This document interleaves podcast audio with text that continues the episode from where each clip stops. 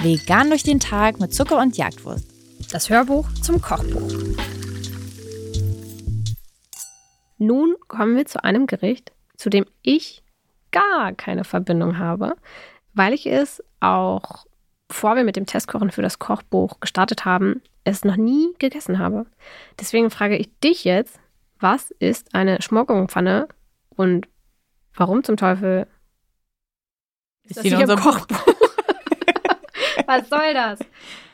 Also ich habe ehrlich gesagt sehr oft diesen Begriff gehört und der klingt ja interessant, oder? Mhm. So eine Schmorgurke klingt irgendwie nach was Interessantem. Mhm.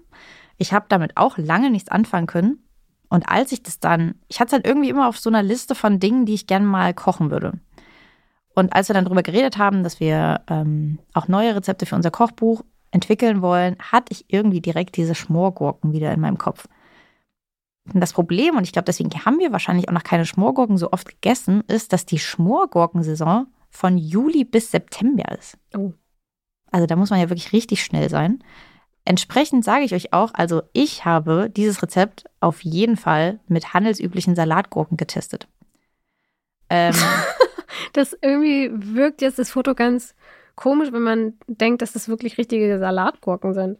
Ich weiß schon, es tut mir leid, aber ähm, Schmorgurken-Experten werden es merken. Hier ist nämlich auch noch eine Schale dran. Oh. Hm. Und bei Schmorgurken, und deswegen ist auch das nicht im Rezept in, steht auch das nicht im Rezept, aber ich sage es jetzt, sollte man die Schale nämlich eigentlich abmachen. Schmorgurken können nämlich tendenziell bitter sein, vor allem vom Stiel an. Das heißt, wenn ihr eine Schmorgurke habt, also erstmal, ich, ich erkläre erstmal kurz, eine Schmorgurke erkennt ihr auf jeden Fall. Die könnt ihr nicht verwechseln mit einer Salatgurke. Also wenn gerade Juli bis September ist, dann könnt ihr jetzt auf den Markt gehen, könnt in einen Laden gehen und ihr werdet sehen, dass da auf einmal Gurken sind, die viel dicker, tendenziell ein bisschen kürzer und auch eher ins gelblich-grüne gehen. Die sind nicht so grün, wie man eine Salatgurke kennt. Und die Schale ist auch viel, viel dicker. Deswegen liegt es nahe, dass man die auch abmacht. Man kann sie essen, aber es dauert halt auf jeden Fall ein bisschen, bis sie weich ist. Und dadurch, dass auch dieser Stiel sehr bitter ist, sollte man auf jeden Fall den abschneiden. Und am besten auch dann kosten einmal. Ist da immer noch was Bitteres, dann abschneiden, abschneiden, abschneiden, bis die Gurke nicht mehr bitter ist. Äh, sind so ungefähr wohl drei, vier Zentimeter. Woher soll ich es wissen? Ich habe keine Salatgurke genommen. Nee, ohne Mist. Ich habe dann auch die, tatsächlich das Essen dann auch mal mit einer Schmorgurke probiert, aber naja, ihr seid ja hier, damit wir den Tee spillen. Jetzt habt ihr den Tee. Jetzt habt ihr es. Ihr, ihr wolltet ja unbedingt diese, dieses Hörbuch gerade anhören. Ähm, aber ich finde ehrlich gesagt, es ist doch äh, entspannt zu wissen, dass es auch mit einer Salatgurke geht. Die ist halt viel wässriger, so eine Gurke. Deswegen, ich würde euch empfehlen, wenn gerade keine Schmorgurkensaison ist, es gibt diese ganz kleinen Gurken, diese englischen Gurken. Hm. Die sind viel, viel fester. Ich würde euch empfehlen, in dem Fall dann die einfach zu nehmen. Aber es schmeckt ehrlich gesagt auch trotzdem lecker mit Salatgurken. Was soll ich denn sagen? Ich weiß, da werden jetzt bestimmt die Schmorgurken-Experten die Hände über den Kopf schlagen, aber ich habe eine Freundin, die heißt Maria.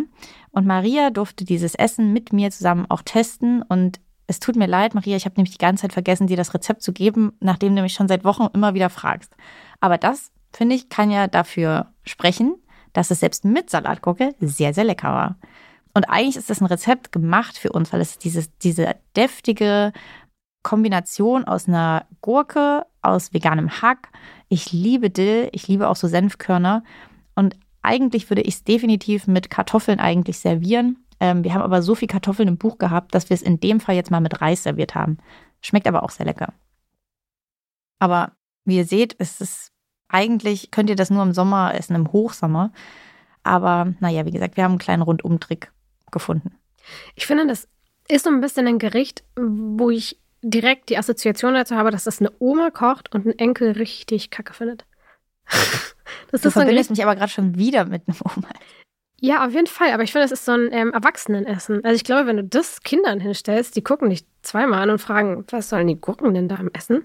Ähm, also ich finde, es ist ein auf jeden Fall spezielleres Gericht. Ich habe es dann aber auch mal probiert. Ich kannte es vorher zwar nicht. Ich habe es dann äh, bei Julia das erste Mal gegessen.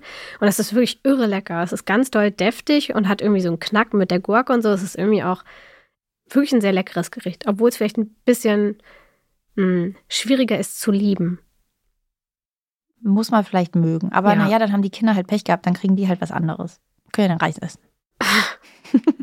Und ihr könnt die ganze Schmorgurkenpfanne für euch genießen. Also ja, ich wünsche euch herzlichen Glückwunsch, sage ich, wenn Juli bis September ist, dann könnt ihr jetzt wirklich eine Schmorgurkenpfanne mit Schmorgurken machen. Und wenn es keine gibt, dann müssen wir uns da drum rummogeln. Aber ich verrate es niemandem, wenn ihr eine andere Gurke dafür nehmt.